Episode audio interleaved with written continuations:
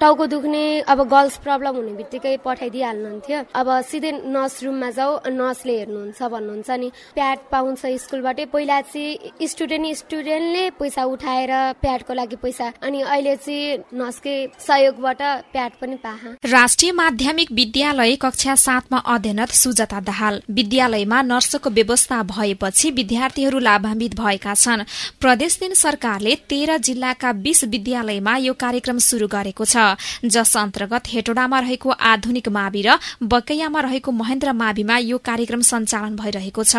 आधुनिक राष्ट्रिय माविका प्रधानध्यापक वीरवंश बैठा। यो विद्यालयमा विद्यार्थी संख्या धेरै भएकोले स्वास्थ्य सम्बन्धित समस्या धेरै आइरहन्थ्यो।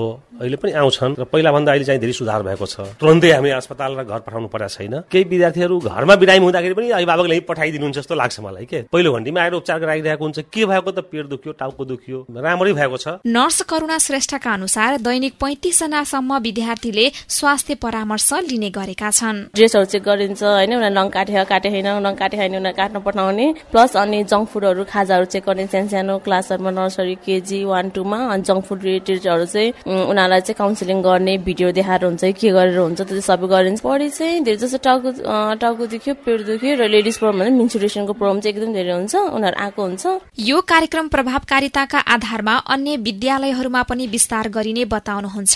प्रदेश नम्बर तीन सामाजिक विकास मन्त्रालय अन्तर्गत स्वास्थ्य शाखाका प्रमुख सतीश विष्ट। पहिला युसको चाहिँ नि अब यसको रिजल्ट के आउँछ हामी त्यसको बेसलाइन पनि डेटाहरू पनि लिइराखेका छौँ। त्यसको फेरि पछि हामी चाहिँ के चेन्ज ल्याएर त भन्ने कुराहरू पनि हामी मेजर गर्छौँ। र अहिले चाहिँ हामीले बिसवटा पहिला चाहिँ नि सुरु गरेपछि अर्को वर्ष बिस्तार क्रमैसँग स्रोत व्यवस्थापन गरेर र यसलाई चाहिँ नि बिस्तारै बिस्तारै चाहिँ क्रमशः क्रमैसँग यसलाई चाहिँ बढाउँदै लाने भन्ने चाहिँ हाम्रो सोच छ। विद्यालयमा नर्सको व्यवस्था भएपछि सजिलो हुने विश्वास अभिभावक तथा शिक्षकहरूको रहेको छ।